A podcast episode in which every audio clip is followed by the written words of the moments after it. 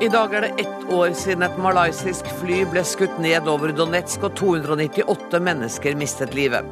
Tragedien førte til en tilspissing i forholdet mellom Russland og Vesten, mener politikere. Norge må stanse kald krig-retorikken og slutte å demonisere Russland, mener LO-topper, som sammen med 300 andre har undertegnet et opprop om krigsfaren. Felles eksersis, felles måltider, norske uniformer og firemannsrom skaper tilhørighet og samhold. Det mener Christian Tybring-Gjedde, som vil gjeninnføre alminnelig verneplikt. Han møter Anniken Huitfeldt til debatt.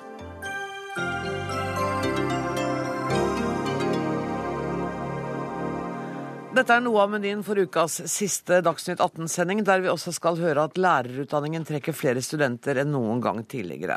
Samordnet opptak ble offentliggjort i dag. Men aller først.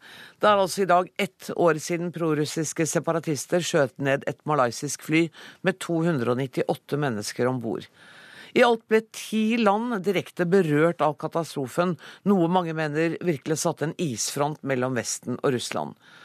Nå viser lekkasjer fra den nederlandske etterforskningen at russiske raketter ble brukt under angrepet. Russland på sin side fortsetter å avvise alle anklager, og fraråder Nederland å bringe nedskytingen inn for en internasjonal domstol. Joakim Reikstad, reporter her i NRK, jeg har lyst til å begynne med deg, fordi du var i Donetsk kort tid etter nedskytingen. Kan du ta oss gjennom hva som skjedde der? Det skjedde jo veldig mye på veldig kort tid. Eh, og Det var en veldig uoversiktlig situasjon da vi kom til Ukraina. Eh, vi kom til Kiev først, og mye av arbeidet gikk jo på å komme seg inn dit. Man visste ikke helt hvordan vi kunne på tryggest mulig måte eh, klare å ta oss inn i Donetsk-området, og valgte til slutt da sammen med resten av verdenspressen å sette oss på en 14 timers lang nattogtur gjennom Ukraina. Eh, en togtur hvor eh, ja, Riktignok over natten, men det ble ikke mye søvn, for vi hørte hele tiden bomber, vi hørte skudd, toget stoppet underveis. Det var eh, ganske spent. Og, og, dagen i dag er også veldig spesiell å se disse bildene igjen og bli påminnet alt det som, som skjedde den gangen. Og, og, de 298 forferdelige tragediene. Én og én er jo en tragedie i seg selv. Visste du, Hadde du noe bilde av hva som kom til å møte deg når du nærmet deg det stedet hvor flyet var blitt skutt ned? Vi hadde jo noen bilder, og, og, eh, vi hadde jo fått de aller første byråbildene som, som, vi får inn til redaksjonen. Når slike ting skjer, så kommer det jo bilder, og vi så jo at dette her var veldig omfattende. Men, men jeg tror at for noen som aldri har vært og, og sett et åsted for en flystyrt, så er det vanskelig å forestille seg hvor ekstremt det egentlig er. Én ting er jo det man tar inn over seg med, med, vrakdeler, og man ser dette flyet nærmest har blitt pulverisert. Det er nesten ingenting igjen av det. Og på toppen av dette her så ser vi altså alle disse barnelekene, reisehåndbøkene, klær, T-skjorter, solbriller, alle de bevisene på at her var det folk som overhodet ikke søkte noen fare. De søkte kanskje drømmeferien som de hadde spart til i lang tid, som de hadde gledet seg til, og så helt ut av det blå så blir det revet, så, og de blir revet bort fra oss eh, alle sammen. Og det, det å ta inn over seg det var kanskje noe av det aller sterkeste.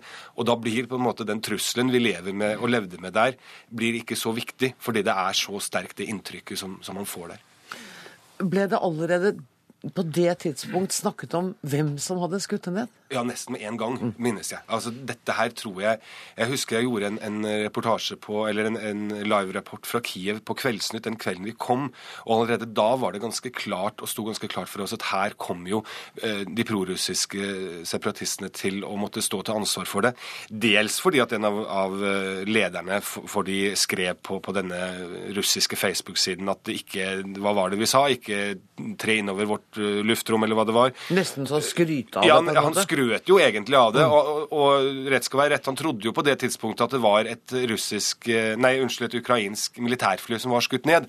Og i det øyeblikket eh, Vi har jo sett det i dag, for de som har fulgt med i, i, på nettsidene i dag, så har man jo fått denne videoen som angivelig er prorussiske soldater som er på åstedet. Det må være, slik jeg tolker det, kun ja, kanskje bare et par timer, og kanskje kortere tid enn det, på åstedet. Eh, slik at når, Og, og da, da, ser du de går rundt, og det går opp for dem hva dette her er. Dette er et sivilt fly. Og når det, den nyheten når uh, hovedkontoret til den selvutnevnte regjeringen i Donetsk, så blir jo denne meldingen fjernet. Men det er selvfølgelig altfor sent, fordi at dette har jo hele verden fått med seg. Og russerne de nekter jo stadig vekk i dag for å ha noen ting med det å gjøre. Men det er vel kanskje det tydeligste beviset på hva som skjedde. Takk skal du ha, Joakim Reigstad. Helene Skjeggestad, du er kommentator i Aftenposten. Du har skrevet en kommentar i dag hvor du beskriver konsekvensene av uh, dette. Etter din vurdering, hva, hva betød denne flystyrten for konflikten? Ja, jeg har jo da altså prøvd å oppsummere dette bekmørke året for Ukraina i en kommentar i dag. Og jeg tror den mest umiddelbare konsekvensen var jo at dette gikk fra å være en eh, lokal konflikt til å bli internasjonal. Det var personer fra ti forskjellige land på dette flyet. Eh, gjerne land som ikke har hatt noe med denne konflikten å gjøre tidligere, som nå plutselig eh, fikk en rolle, da. Og det førte jo da i videre instans til at sanksjonene mot Russland ble trappa opp. Eh, og så kan man jo si at disse sanksjonene Vi så kanskje ikke konsekvensen av de med en gang. Men bare i det siste har det kommet flere rapporter på at russisk økonomi, økonomi blir ramma av dette og en fallende oljepris, og sliter om dagen. Og det vil nok få konsekvenser for Russland på lang sikt. Men men, men, denne nedskytinga av flyet var jo heller ikke noe Putin hadde planlagt. Eh, fordi man, Hvis det er riktig, de bildene, hvis de er autentiske, de bildene som vises i dag, så var det et sjokk også for dem som hadde gjort det, at det var et sivilt fly. Men du skriver interessant i dag at det er vanskelig å se hva som er Putins strategi, men han har uansett lyktes med å skape kaos, skriver du. Ja, nettopp. For det som eh, ikke har vært en konsekvens, er jo at krigen har tatt slutt. Mm. Eh, og den fortsetter i aller høyeste grad. Og det viser, uansett hva som var Putins plan, eh, det kan ikke jeg si, så har hans taktikk om å skape kaos og politisk ustabilitet, den har lykkes. Eh, for det vi ser i dag, er jo et Ukraina i, i kaos. Utenriksminister Børge Brende, takk for at du er med i dag igjen også. Um, hva, hvordan forandret Norges forhold til Russland seg etter denne nedskytingen? Dette er jo ikke først og fremst et spørsmål om Norges forhold til Russland. Det er jo internasjonale samfunnets eh, forhold til den destabiliseringa som Russland har stått bak eh, i Donetsk og Lugansk. Og før det så kom jo annekteringa av Krim. Jeg som... tenker bare på Norge som et av de landene som er direkte berørt av hvordan Russland oppfører seg, og at det kanskje med grenser og med de konfliktene som har vært, at det kanskje særlig for Norge hadde betydning hva som skjedde? Vi har jo reagert og sterkt på de folkerettsbruddene som har skjedd eh, i Ukraina. Vi har reagert eh, sterkt på de bruddene på FN-konvensjonen og charteret eh, som ligger til grunn, sammen med resten av verden. Og som et lite land, og som mellomstore land, så jo, har vi jo ingenting å gå på når det gjelder å reagere, når det gjelder manglende respekt Eh, for eh, andre lands eh, grenser. Men i dag så er det jo en refleksjon som flere har vært inne på, og som sterke bilder.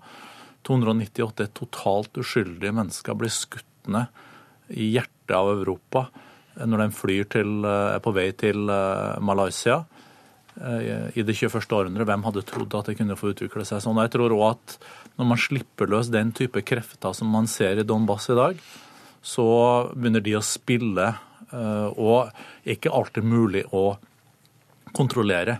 Selv ikke for eh, de som har gitt de eh, støtte, både militært og økonomisk. Finner du det også bevist godt nok nå at det var prorussiske militære som skjøt ned det flyet?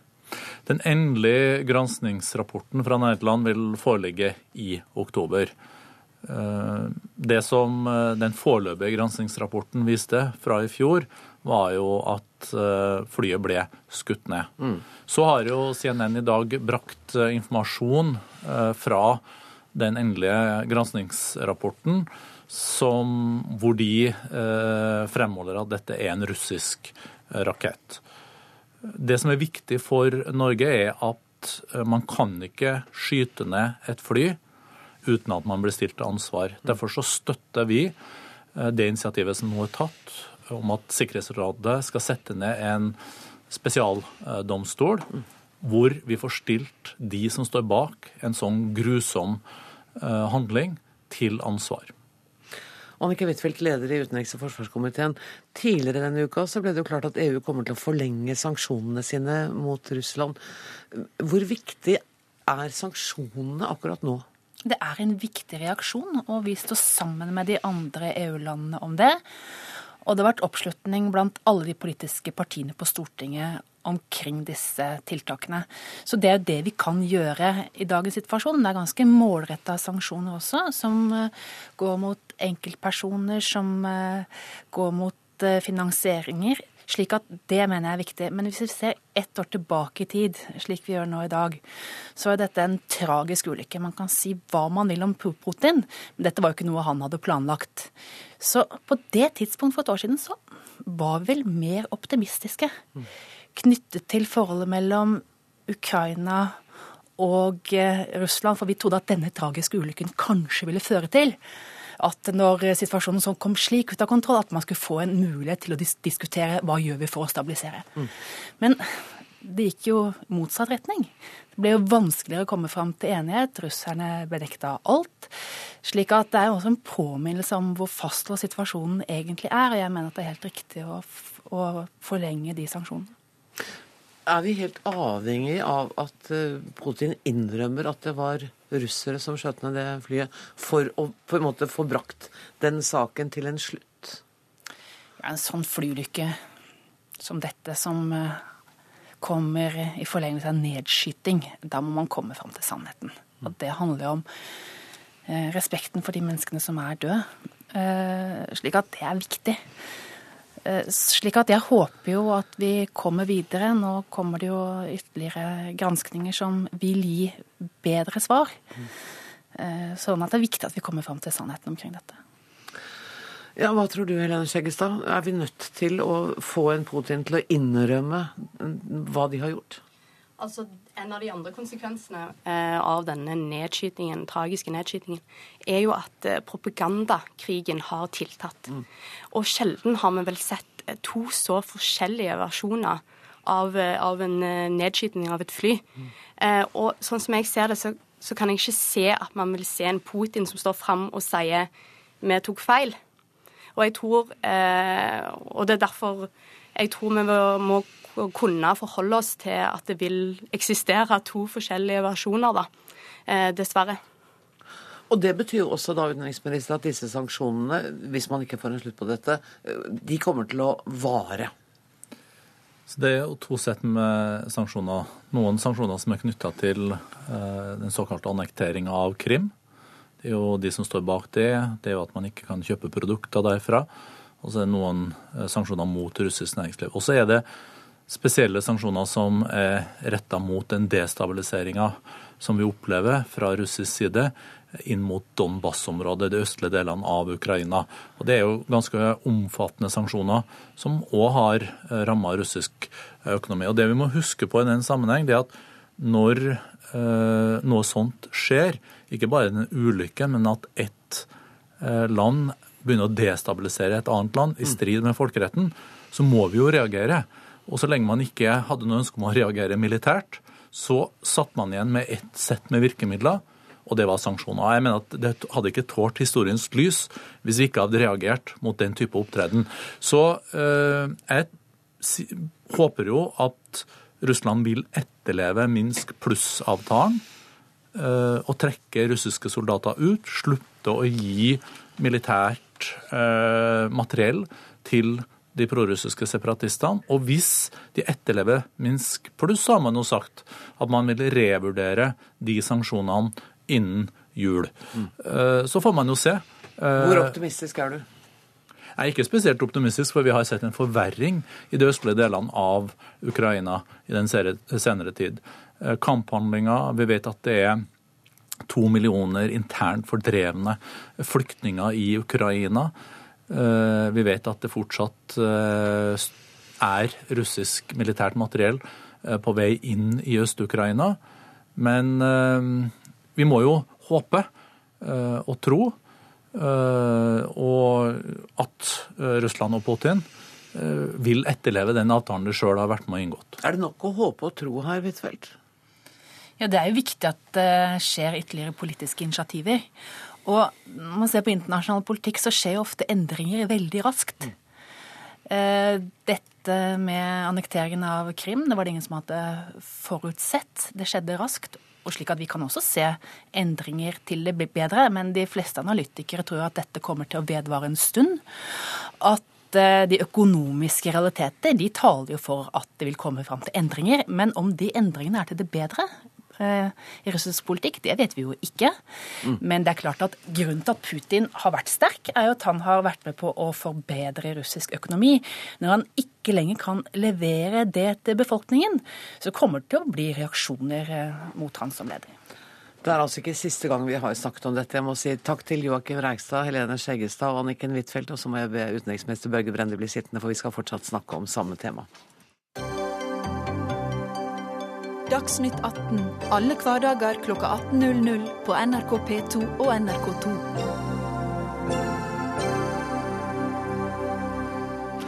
For det skal på en måte fortsatt dreie seg om Russland og Ukraina-konflikten og Norge. For en rekke ledere fra norsk fagbevegelse og kulturliv har startet en aksjon til støtte for Russland. Aksjonen heter Krigsfareopprop og anklager norske politikere for å bidra til en ny kald krig. Norge er med på å øke faren for storkrig i Europa, står det i oppropet. Roy Pedersen, du er leder i LO Oslo. Hvorfor skriver dere dette? Ja, Først en liten uh, korrigering. da. Det er riktig som du sier at det er mot opprustning i Europa, men det er jo ikke noen støtte til Putin. og Nei, men til Russland? De sier også i opprop, vi sier også i oppropet da, at vi er imot Russlands annektering av Krim. Så uh, vi støtter heller ikke Russland i Ukraina, men påpeker at både USA og Russland har blanda seg inn i den konflikten. og Utover det så tar vi til standpunkt til det som har skjedd i Ukraina. Og så er vi også av den formening at vi ikke ønsker å demonisere Russland, fordi det bidrar til en form for kald krigstenkning både i, både i Moskva og i Nato. På hvilken... Så er det jo også sånn da, Nei, så er det jo også sånn da, at Når vi snakker om opprustning, snakker om militærbudsjetter, så bruker jo Nato og vestlige land langt mer på det enn Russland. Det unnskylder ikke russisk gjøren og laden, håper å si, verken eh, her eller der. Men eh, det som da er poenget vårt i tillegg, det er jo som du er inne på, nemlig at Norge er med på denne opprustninga som foregår. Vi er med på militærøvelse i Finnmark som vi hadde i Porsanger for første gang siden 1960-tallet. Vi deltar i militærøvelser i Baltikum. Vi er med på Natos innsatsstyrke osv. Vi noterer jo at uh, forsvarsminister Søreide til CNN sa at forholdet til Russland blir ikke som før med Ukraina-krisa. Så uh, det er mange momenter som Norge er med på, og det er egentlig det oppropet protesterer mot. Og jeg understreker igjen, det er til en støtte til Russland som okay. det har blitt Men det er, det er, en protest mot den norske aktiviteten, både mot den norske retorikken og mot at vi deltar i store Nato-øvelser. Har jeg oppfattet riktig nå? Ja, ja, langt på vei. Samtidig som at vi advarer mot en ny kapprustning i Europa. Det er kanskje hovedpoenget. Mm, ja. Uh, Børge Brende, utenriksminister, jeg vet ikke hvilket punkt du har lyst til å imøtegå først. For du, du, kommer til å gjøre det. Du er jo ikke enig i dette her? Nei, og jeg er overraska.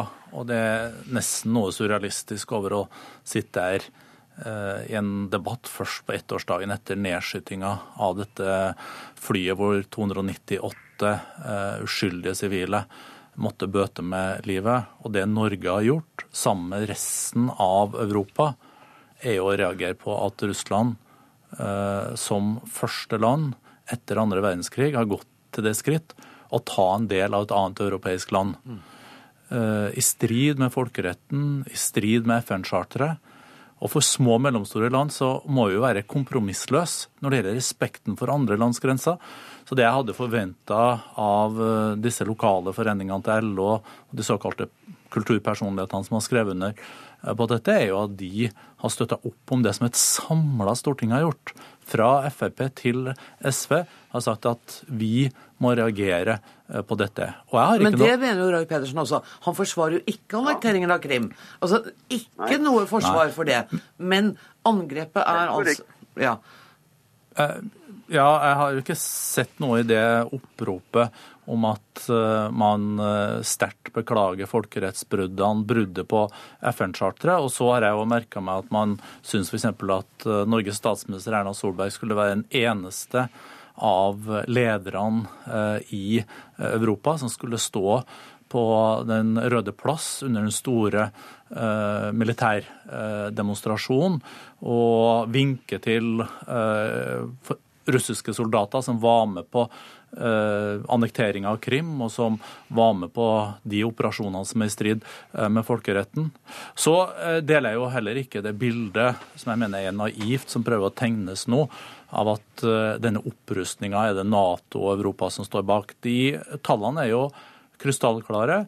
I løpet av fire siste årene så har Russland og Putin økt militærbudsjettet sitt med 60% og Nato har i de senere årene, pga. nedskjæringa i europeisk økonomi og lignende, redusert militærbudsjettet med 40% Og Hvordan det kan kalles en enorm opprusting, eh, det forstår jeg ikke. Men jeg vil gjerne utfordre LO, eh, lokale leder i eh, Oslo, og stille følgende spørsmål. Er du enig i at det er folkerettsbrudd? Er du enig i at det Russland har gjort, er brudd på FN-charteret? Og ser du òg en veldig negativ utvikling i Russland når det gjelder menneskerettigheter, forholdet til sivile samfunn og ikke minst til seksuelle minoriteter i Russland? Pedersen? Ja, det var et langt innlegg. Eh, bare si til det han spør meg om. Det har vi jo allerede avklart. Jeg sa det også i det første utspillet som sto i, i Dagsavisen, at eh, jeg kritiserte eh, Russlands annektering av uh, Krim, og at det var brudd på folkeretten. Jeg er ikke uenig i det, jeg. Samtidig så, uten da å si at vi sånn som vi pleier å tenke i LO, at vi skal behandle bare én sak i hvert brev. Men samtidig så er det jo, når vi snakker om brudd på folkeretten, en del doble standarder her. Hvis man ser på USA og vestlige lands uh, holdning til det i andre områder av verden. Men la det nå ligge, siden vi skal ha bare ja, en debatt om én sak i hvert brev. Det er jo ikke sånn, Børge Brenne, at uh, Vesten er underlegen uh, Russland når det gjelder styrkeforholdet militært. Det kan du ikke påstå og mene. Så tror jeg ingen av oss er begeistra for verken russisk opprustning, ei heller brudd på menneskerettighetene i Russland. Det vi da må spørre oss, er jo er økt spenning i Europa en måte for å lette på menneskerettigheter i, i, øst og i vest? Eller bidrar det til å innskrenke dem? Jeg mener det siste. Mm. Men, uh, og, og, og, det, og, det, ja, og, det, er også sånn at uh, uh, vi må jo se, tross alt, Ukraina-krisa, og det tror jeg også Børge Brende gjør, den som en del av en litt større sammenheng, selv om det kanskje ikke er noe trøst for den dramatiske situasjonen som ukrainere er oppe i. Men det er jo ingen tvil om at det er sett i en litt sånn større internasjonal sammenheng. Det er selvfølgelig Moskva er bekymra for at Nato begynner å nærme seg deres dørterskel også igjen. Det er selvfølgelig en feil reaksjon da å reagere militært på Krim, som de har gjort. Men man må jo tenke seg om mm. om det er en klok politikk å fortsette med å øke spenningen i Europa. og Det er det egentlig det oppropet er, er eh, opptatt av. Ok, Da må utenriksministeren få lov å svare på det til slutt her. Ja, altså Det oppropet snur jo alt på hodet. Eh, det oppropet burde gått ut med, er jo en støtte til at vi reagerer på brudd på folkeretten. At eh, man ikke kan akseptere den negative utviklinga når det gjelder menneskerettigheter eh, i Russland. Så er det heller ikke sagt at noe annet enn at Russland har rusta opp de senere årene, mens Nato har redusert uh, sine budsjetter. Men nå er det jo sånn at uh, nå, nå, er det jo slik at jeg ønsker et godt bilateralt forhold til Russland. Mm. Eh, og vi ønsker å fortsette det samarbeidet vi har i nord, men som et lite land i utkanten av Europa med grensa til Russland, så er det jo helt umulig for oss å ikke reagere på disse folkerettsbruddene. Og det som man har gått ut og kritisert oss for, regjeringa for, er at vi har kritisert Russland for de folkerettsbruddene du òg innrømmer at det er, så det må jo være desibelnivået på det regjeringa har sagt, som man i så fall er uenig i. Men jeg er veldig trygg på at i Norge så har vi greid å ha Stortinget samla om dette. Så dette er noen uh, få som reagerer på Russlands premisser. Og tusen takk til dere begge to. Takk til Roy Pedersen som var med oss fra Paris, og takk til utenriksminister Børge Brende som tok turen hit til studio.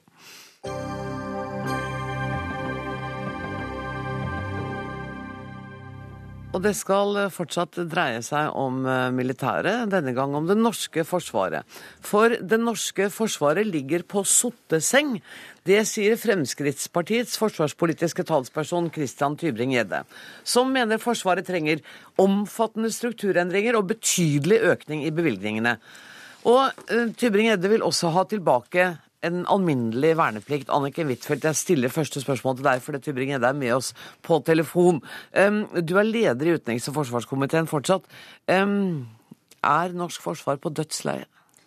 Nei, og jeg ser jo eh, at det er eh, mange spissformuleringer som er brukt i denne artikkelen. At norsk forsvarsevne ikke er bedre enn 9. april 1940. Det er jo med respekt om hele feil. Men jeg syns allikevel det er mye interessant i denne artikkelen. Fordi at han sier noe om behovet for å styrke norsk forsvar. Mm. Og jeg håper vi kan få til et eh, tverrpolitisk enighet om en styrking av norsk forsvar i årene som kommer. På 90-tallet så bygde vi norsk forsvar ned. 2004 så var vel kanskje på det tidspunkt for norsk forsvar var aller svakest. Og så var det en gradvis oppbygging de siste årene. Slik at jeg er enig i hovedbudskapet. Men det er mye her som jeg ikke er enig i også. Kristian Tybring-Edde, hvordan begrunner du påstanden om at det norske forsvaret ligger på sotteseng? Ja, Sotteseng er jo et eh, begrep. Eh, mitt poeng er at den forsvarsevnen, norske forsvarsevnen er langt dårligere enn den burde være, og den har blitt gradvis dårligere over de siste årene. Eh, når den kalde krigen var over og Vesten kan du si, vant den kalde krigen, eh, og unngikk at det ble en varm krig, så har eh, vestlige makter redusert sitt bruk av penger på Forsvaret i ulike land.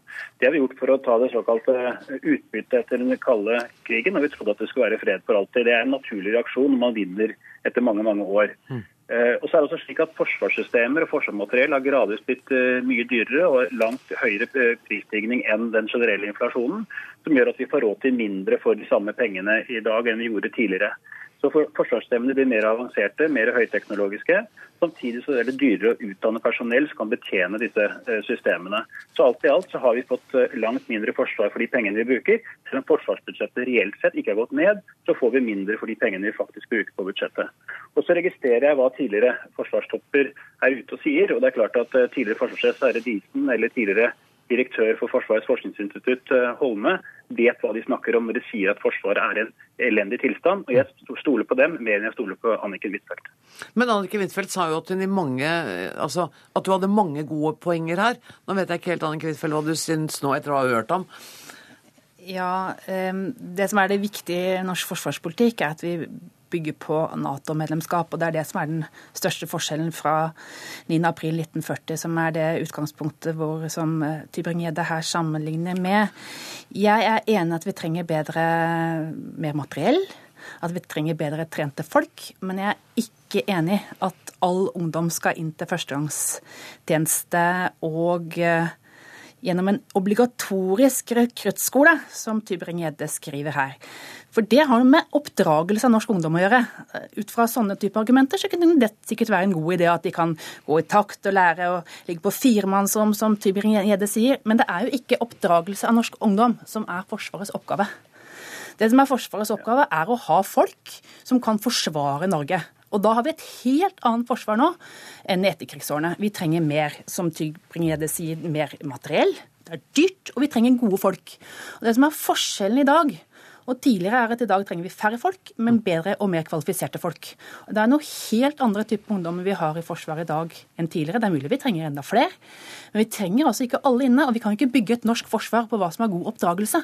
Vi må bygge på hva som er god forsvarsevne. Da trenger vi nye kampfly, bedre materiell, eh, en bedre hær. Men vi trenger ikke at alle ungdom skal gjennom en rekruttskole, for det er bra for samhold med felles eksersis og felles måltider og firemannsrom, slik Tybring-Gjedde skriver i den artikkelen. Du fikk ikke noe støtte for alminnelig verneplikt her, Tybring-Gjedde? Nei, her var det mye på en gang. I dag kan det norske forsvaret mobilisere 20 000 soldater. For 20 år siden så kunne vi mobilisere 160 000 uh, ungdom. Uh, det er klart at 20 000 soldater de er spesialtrente, mange av dem, og kan gjøre en utmerket jobb. Vi bruker de fleste i utlandet, faktisk, men det er en helt annen diskusjon. Men, uh, og Det er bare én av åtte som dag er inne til førstegangstjeneste. Og Det er alle de som er best skikket både fysisk og psykisk som er inne til tjeneste. altså Vår, beste ungdom, både kvinner og menn. Jeg tror at Forsvaret trenger flere folk. Og jeg tror også at man må få en bevisst holdning til Forsvaret. Det får man gjennom en, en, en allmenn verneplikt. Jeg husker selv min egen tid i førstegangstjenesten og, og får et bevisst forhold til Forsvaret. Det tror jeg flere trenger. Forsvaret er ikke for spesielt interesserte, det er for oss alle. Og jeg tror faktisk det å være i Forsvaret er også en oppdragende effekt på dagens ungdom. De forstår at det er noe å forsvare. Vi har noen verdier som er viktige å forsvare, og vi har noe faktisk å være takknemlige for når vi er innbyggere i, i Norge. Og det er ikke slik sånn at Nato-soldater kommer til oss hvis ikke vi er villige til å kjempe for vårt eget land. Det kommer ingen Nato-soldater hvis ikke vi er de første som er villige til å stå, uh, stå med våpen i hånd. Og Da tror jeg det er viktig at norsk ungdom vet for å frem og tilbake på en AG3 når, når, det faktisk kan skje noe. Både på i øst med Russlands aktiviteter i Ukraina, men også i sør, hvor ISIL er på grensen til Tyrkia. Begge disse to er Nato-land, altså Norge og Tyrkia. Og vi kan få en situasjon hvor Nato blir tvunget til å være på begge steder på en gang. Men tror du til... Ja. ja. Nei, jeg, jeg, skulle spørre deg bare om, Tror du at, at en moderne krig som Norge blir involvert i, kommer til å bli utkjempet med AG3 og 160 000 mann? Ja, Det er det som er resultatet av alle andre kriger som har foregått de siste årene. så er det klart at Antall soldater er veldig viktig. Amerikanerne har ikke bygget ned sitt antall soldater, og de vet at det er veldig viktig. Og de kjemper altså for flagg og fedreland. Og jeg tror faktisk vi må tilbake og tenke litt på den måten. At det er ikke bare noen få mennesker som skal kjempe for vegne av oss alle. Og de moderne systemene Man trenger faktisk folk på bakken. Moderne systemer kan ikke gjøre alt. Vi trenger mennesker på bakken. Jeg tror faktisk man må tenke litt annerledes og tenke litt nytt igjen.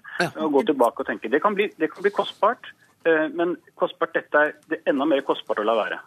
Nå sier jo Tybring-Gjedde at han ønsker å tenke nytt, men han tenker jo veldig gammeldags. For hvis man spør de forsvarssjefene som og forsvarsekspertene, som er de som Tybring-Gjedde henviser til i denne artikkelen, så vil jo de tvert imot si at det vi ikke trenger, er at Forsvaret nærmest skal drive oppdragelse av norsk ungdom. Det man trenger, er mer moderne materiell. Mm. Du trenger soldater noen steder. Men det som er norsk forsvar de siste årene, er at vi har gått fra å være en liten makt i Nato til å bli en mellomstor makt. Fordi at de andre Nato-landene har brukt mye mindre penger på forsvar. Og da jeg hadde en gruppe med militære eksperter i Norge for en tid tilbake, så er de veldig interessert i å høre hvordan har vi klart å skape oppslutning om økte bevilgninger til Forsvaret de siste årene. Så vi må fortsette opptrappingen. Jeg håper vi kan få en tverrpolitisk enighet om det. Men det vi trenger er en modernisering, mer moderne personell, flinkere folk. Oppdragelse er viktig, men det er tross alt ikke Forsvarets oppgave å oppdra norsk ungdom. Tusen takk skal dere ha, Christian Tybring-Edde og Anniken Huitfeldt.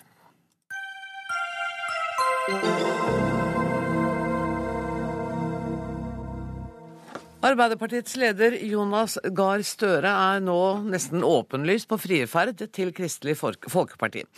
Senest i går møtte han KrF-lederen på den kristne sommerleiren i Saronsdal.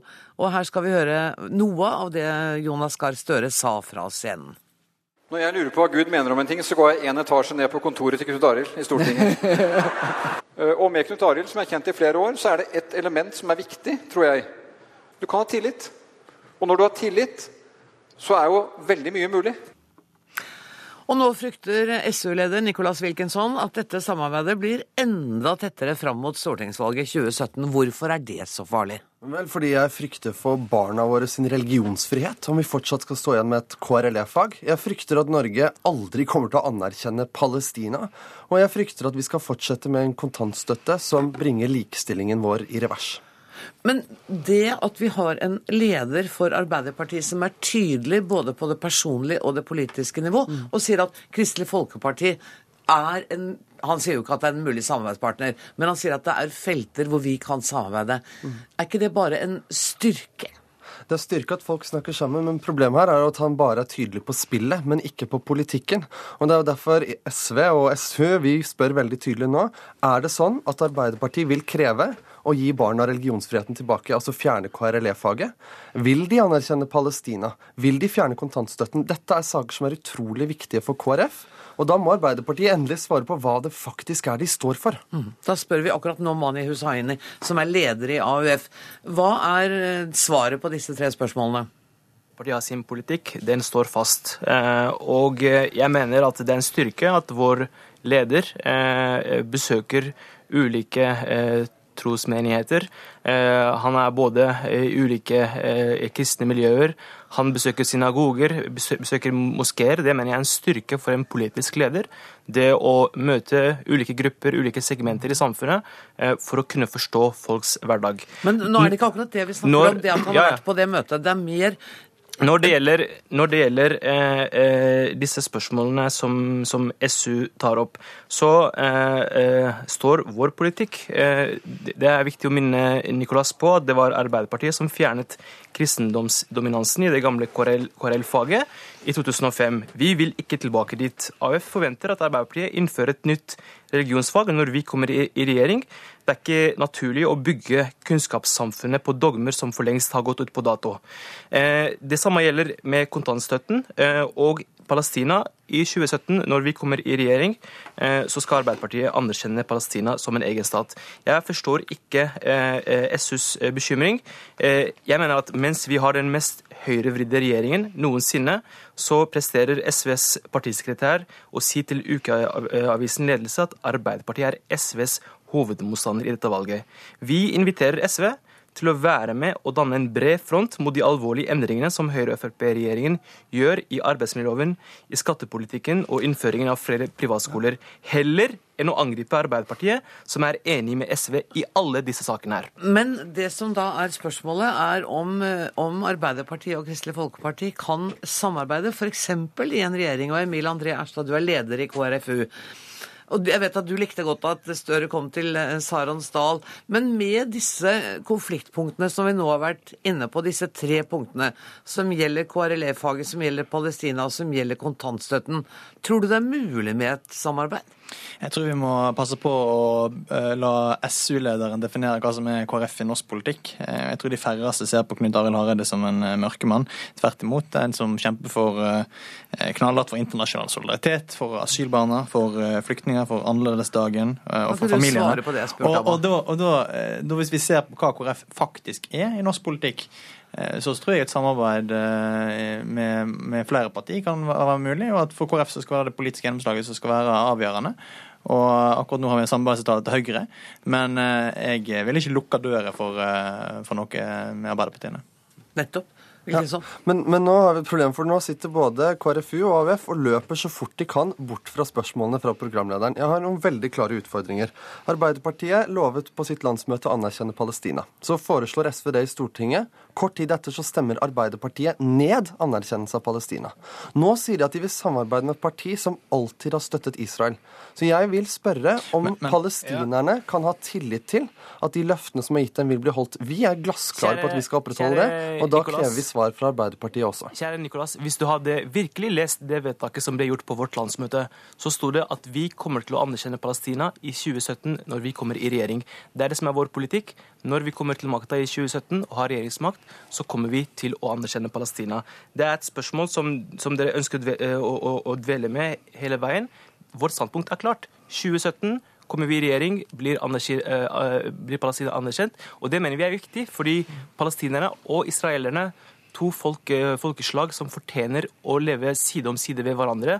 Og det mener vi er tydelig at Norge gir et klart signal til. Det gjør ikke dagens regjering. Det blir et skifte med Arbeiderpartiet. Når det gjelder kontantstøtte, der er vår politikk klinkende klart. Når det gjelder KRLE-faget, der er vår politikk klinkende klart. Jeg skjønner ikke hva du lurer på. Jo, jo det, det, skjønner jeg, og da kan jeg prøve å forklare litt her, Mani Hussaini. For det som er spørsmålet her, er kan man se for seg f.eks. et regjeringssamarbeid eller på annen måte forpliktende politisk samarbeid mellom Arbeiderpartiet og Kristelig Folkeparti.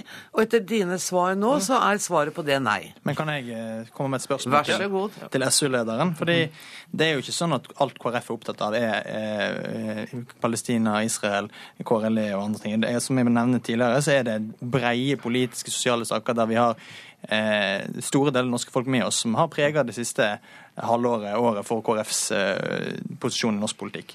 Og selv om Nicholas Wilkinson ikke har fått det med seg, så har tydeligvis hans partileder i SV, Audun Lysbakken, fått det med seg. For når jeg leser boken hans, så sier han at han åpner for samarbeid med KrF. Og da hørte jeg ingenting fra SU eller Wilkinson om, om at det var så fælt. Men når Jonas Gahr Støre altså åpner for dette, så er det eh, forferdelige greier. Det er vel et godt poeng, det, Wilkinson. hvorfor han eh, nå kommer på banen.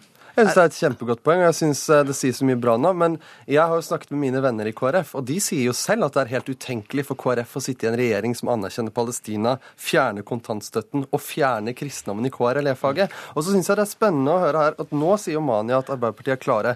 Men Jonas Gahr Støre sa i Vårt Land i våres, det kan jo lytterne søke opp selv, at de altså vil verne K-en i KRLE-faget, mens Mani sier at den vil fjernes. Og dette er problemet, at det er en enorm uklarhet i om våre barns religionsfrihet vil bli tatt tilbake, eller om Arbeiderpartiet altså da vil fortsette den politikken som Men, består nå. eller om du har hekta deg opp i tre uh, felt hvor du vet at de to partiene uh, har ikke sammenfallende syn, og så har du glatt oversett alle de områdene hvor Kristelig Folkeparti og Arbeiderpartiet, bl.a. når det gjelder store deler av familiepolitikken, og der- faktisk er Ja, og der er det kjempemye bra, men, det jeg har gjort, er å ta tre viktige spørsmål der SU har sine kjernesaker, Ja. og jeg syns velgerne fortjener svar på. Og sine kjepphester, kanskje. Ja, ja, altså Palestina for oss er en kjepphest. KRLE-faget og barns religionsfrihet er en kjepphest, Det det og da for- fortjener er velgerne svar. Det er det for, for AUF også. Ja. Eh, og, og, og vi kommer ikke til å vike på likestilling. Vi kommer ikke til å vike på Palestina-spørsmålet, og heller ikke eh, KRLE-faget. Kjempebra. Eh, og så må jeg bare si helt til slutt at det var eh, eh, AUF som var initiativtakeren til det rød-grønne samarbeidet. Jeg ønsker SV alt lykke til eh, i, i valgkampen. Vi ønsker et bredt samarbeid, og sannsynligvis kommer våre partier til å sitte i mange kommunestyrer og fylkesting sammen ved Ok. valgets Da har jeg tenkt tenkt å ja, la det siste ordet gå til Emil André Erstad. Ja, det var det jeg sier. Lykke til med et SV i valgkampen òg. Og jeg tror det er veldig mye vi SV og KrF er enige om. Jeg syns det tar så dårlig ut å slenge sånne løse karakteristikker ut i luften når vi har så mye vi kan kjempe om sammen eh, i norsk politikk. Så bra! Tusen takk skal dere ha, Mani Hussaini, Emil André Erstad og Nicolas Wilkinson.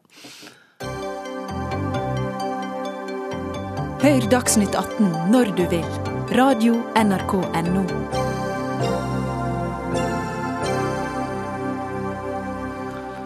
På en måte skal det fortsatt handle litt om Jonas Gahr Støre, for i forrige uke foreslo han at staten bør bidra med økonomisk støtte for å skaffe jobber til de over 20 000 som har mistet jobben i oljesektoren.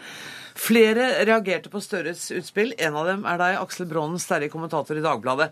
Hvorfor er det så feil at staten bidrar med støtte når man får et sånt markant fall i eh, et sånt stigning i arbeidsledigheten? Nei, altså, som et sånn generelt, eh, Hvis det er et generelt økonomiproblem, at arbeidsledigheten stiger i alle sektorer f.eks., så kan det være veldig gunstig for eh, myndighetene å gå inn med motkonjunkturtiltak. Men dette er snakk om én sektor, oljesektoren, som har hatt enorm oljeprisvekst. Helt unaturlig oljeprisvekst i lange tider nå. Og nå faller den, og det var helt forventa. Går ned til normale nivåer. Og vi veit alle sammen at vi trenger en omstilling. Og da tror jeg ikke det er gunstig for myndighetene å gå inn og holde på en måte en kunstig høy oljepris i lang tid framover. Eh, og det vil bare forhindre den nødvendige omstillingen. Så noen må bare ta trøkken her, men staten bør ikke blande seg inn? Ja, du kan jo si at Vi har allerede mange gode tiltak som vanligvis bruker når folk mister jobben. og Det er jo arbeidsledighetstrygd. Og så har vi heldigvis et, eh, et apparat for at folk skal omstille seg til andre jobber. Så når en næring går ned, har vært altfor stor, og nå er på vei eh, i en retning som, ikke er, eh, eller som er mer bærekraftig for den, så må altså de finne seg nye arbeidsplasser. Og det er en helt fin ordning. Innenfor det eksisterende regelverket som vi har nå, og innenfor de eksisterende økonomiske rammene. Ja, Ellers så kan vi selvfølgelig diskutere, og det kommer vi sikkert tilbake til, så kan vi diskutere konkrete tiltak eh, for å hjelpe disse over i også andre typer arbeid utover det eh, tiltaksapparatet vi allerede har i dag. Mime Kristiansson, nyhetssjef i Klassekampen, du ble kraftig provosert av dette innlegget som han skrev. Eh, hvorfor det? Jeg blir provosert av det fordi at eh, for oss som er fra Vestlandet, og nå har ikke jeg jobba i olja, men for oss som har levd med alle de menneskene som har gjort det, så er det provoserende når noen sitter inne i Oslo, enten det er Aksel eller det er milliardær Jens Ulltveit Moe, som sier at oljejobbene bare kan ryke, og rett og slett ikke tar inn over seg hvor alvorlige sosiale problemer det innebærer at mange 10 000 mennesker blir arbeidsløse på Vestlandet. Sånn at jeg tror at det er Arbeiderpartiet sin oppgave, og alle andre politikere i Norge sin oppgave, å sørge for at folk er i jobb, får bruke den kompetansen de har. Eh, Og med andre ord gjøre noe meningsfullt for samfunnet. Og der må man sette inn en innsats nå. Vi har høyere arbeidsløshet enn vi hadde under finanskrisen. Sånn at dette er ikke noen liten krise. Dette er noe politikerne må inn og gjøre tiltak for å sikre. Men har du et litt selektivt engasjement her? Ja, Fordi det er Vestlandet, men vi har levd i perioder med høyere arbeidsløshet enn vi har nå.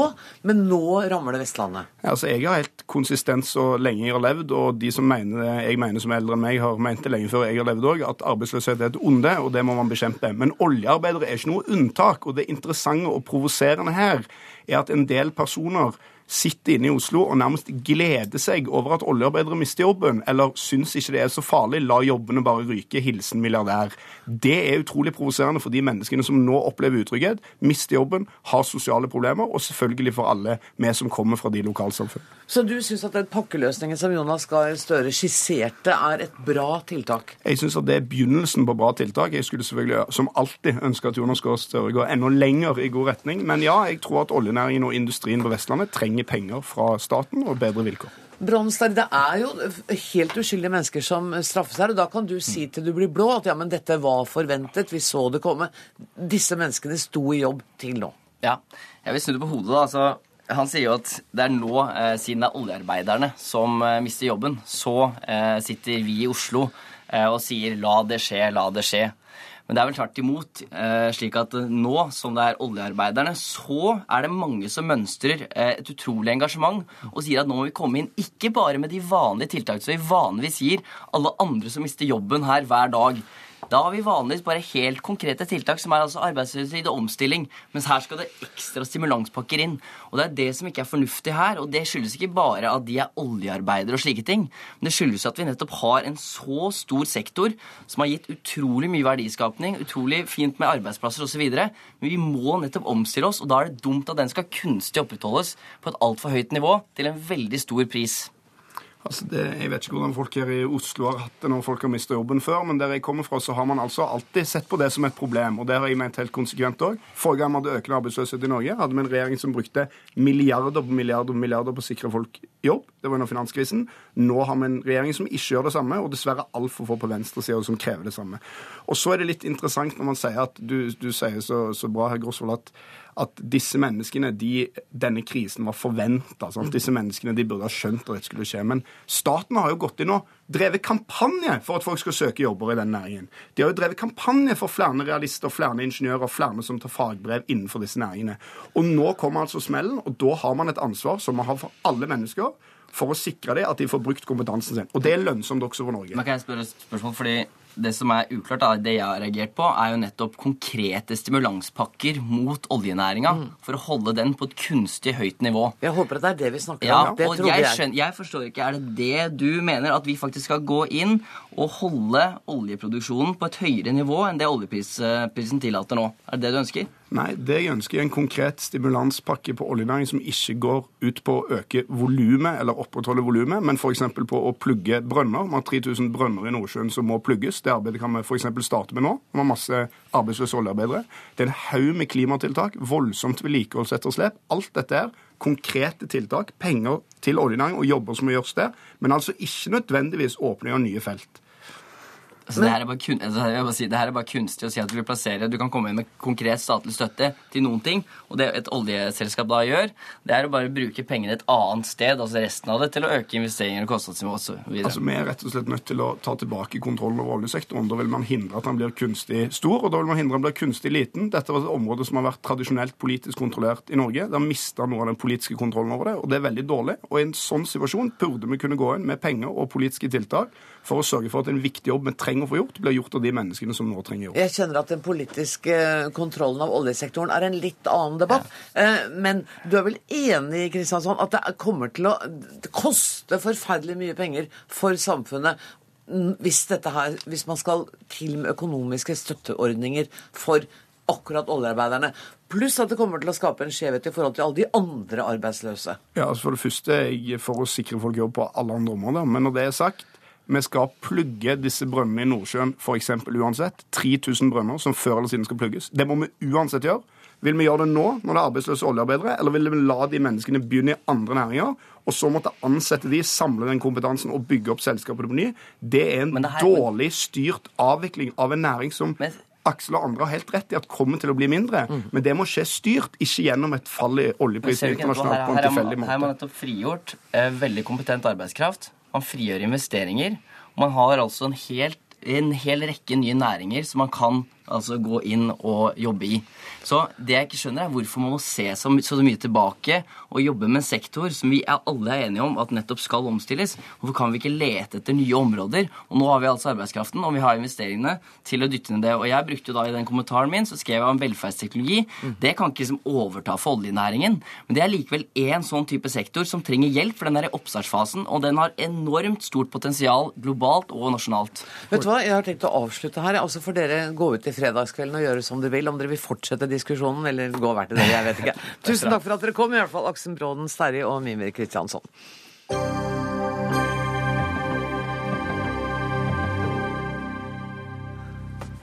Flere enn noen gang søker høyere utdanning her i Norge. Det viser tall fra Samordna opptak. Særlig lærerutdanningen opplever en kraftig økning. Norsk studentorganisasjon frykter det økte antallet studenter vil føre til et såkalt samlebåndsproduksjon på universiteter og høyskoler. Men aller først, Geir Andersen, du er avdelingsleder for Samordna opptak i EFSAT.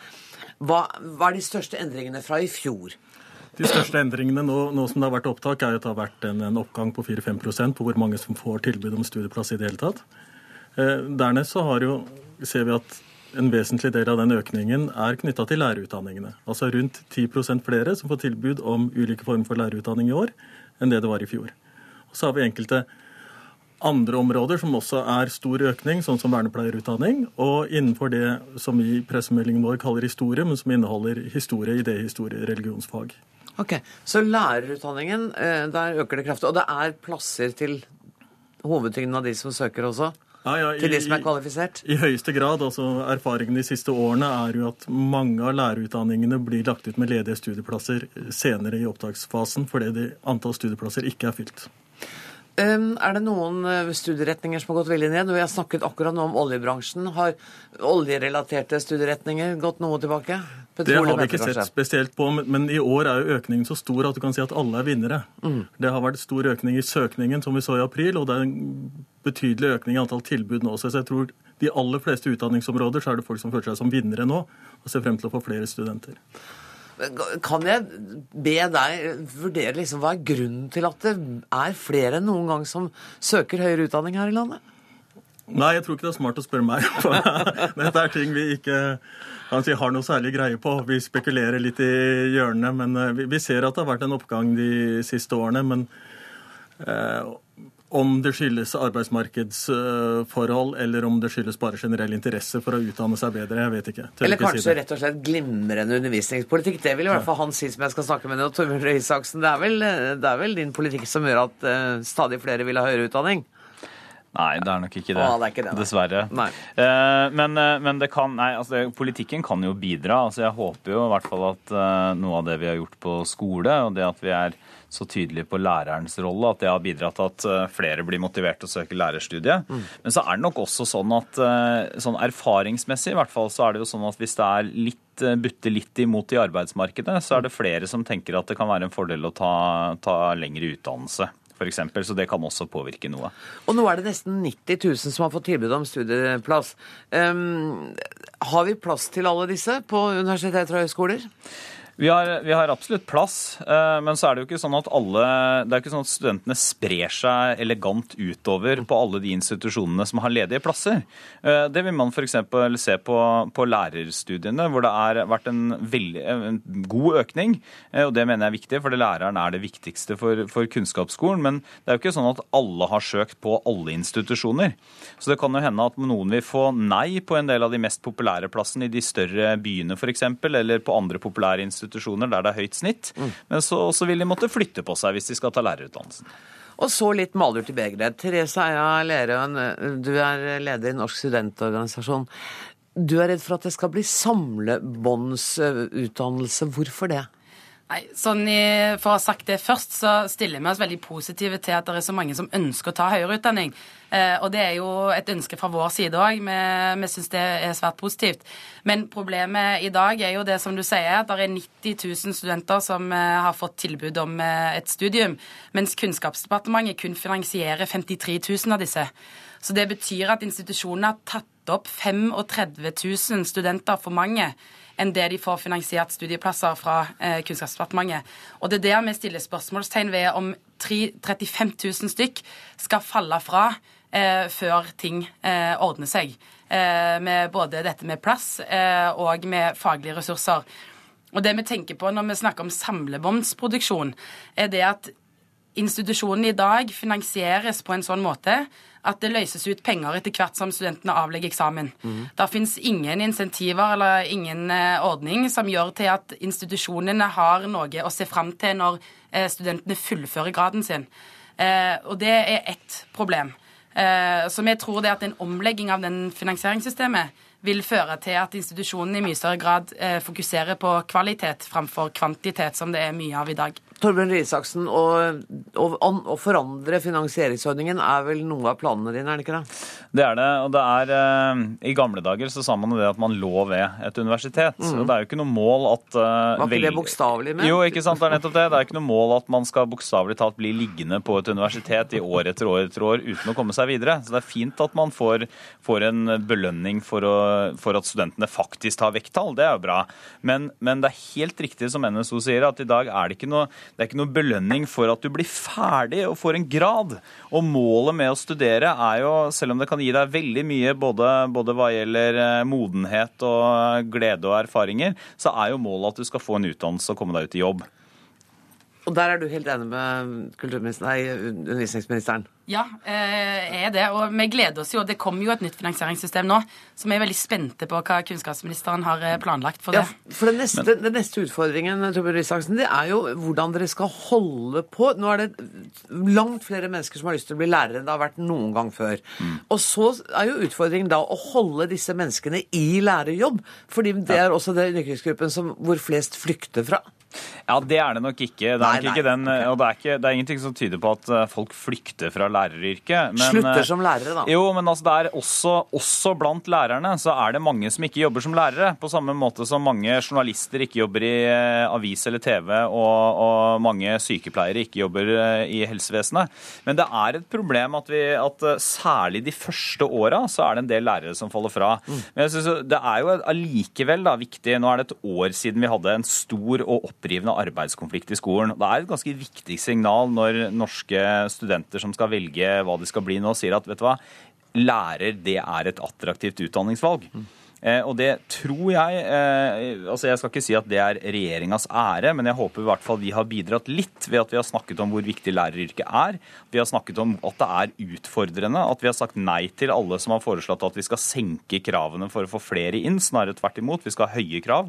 For det sender også et signal om hva slags prestisje som skal ligge i både lærerstudiet og i eh, lærergjerningen. Um, Teresa ja, læreren, når du hører statsråden snakke nå, har du da tillit til at nå kommer studentene både til å bli ivaretatt kvalitativt, og med den nye finansieringsordningen så slipper man samlebåndstenkningen? Veldig mye av det er jo opp til institusjonen òg. Eh, der må institusjonsledelsen prioritere bl.a. oppfølging og veiledning av studentene. Mm. Eh, og Det er jo klart, det er jo ting som koster penger, eh, men det handler jo òg om hvordan man velger å bruke pengene. Eh, og Der mener jo vi at alle studenter burde ha en faglig mentor. Eh, en som følger deg opp faglig i løpet av studietiden din.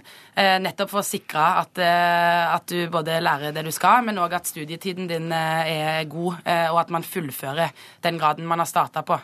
Jeg har lyst til å avslutte denne runden med å spørre Geir Andersen. Hva med de som ikke har fått plass nå? Er liksom siste toget gått? Nei da. Altså vi, vi, har denne ordningen med ledige studieplasser, hvor det blir tilbudt nye mennesker kan søke. De som ikke har vært med i søknadsprosessen så langt, kan søke på, og det er flere hundre studier som blir lagt ut. Allerede nå på søndag morgen klokken ni så kan man se hvilke studier det er. kommer til å bli flere. Kjempebra. og så er det videre med å bare si at vi fortsetter opptak til universiteter og høyskoler helt frem til september. Masse runder. Fantastisk. Tusen takk til eh, alle dere tre. Torbjørn Røe Isaksen, Teresa Lerøen og Geir Andersen.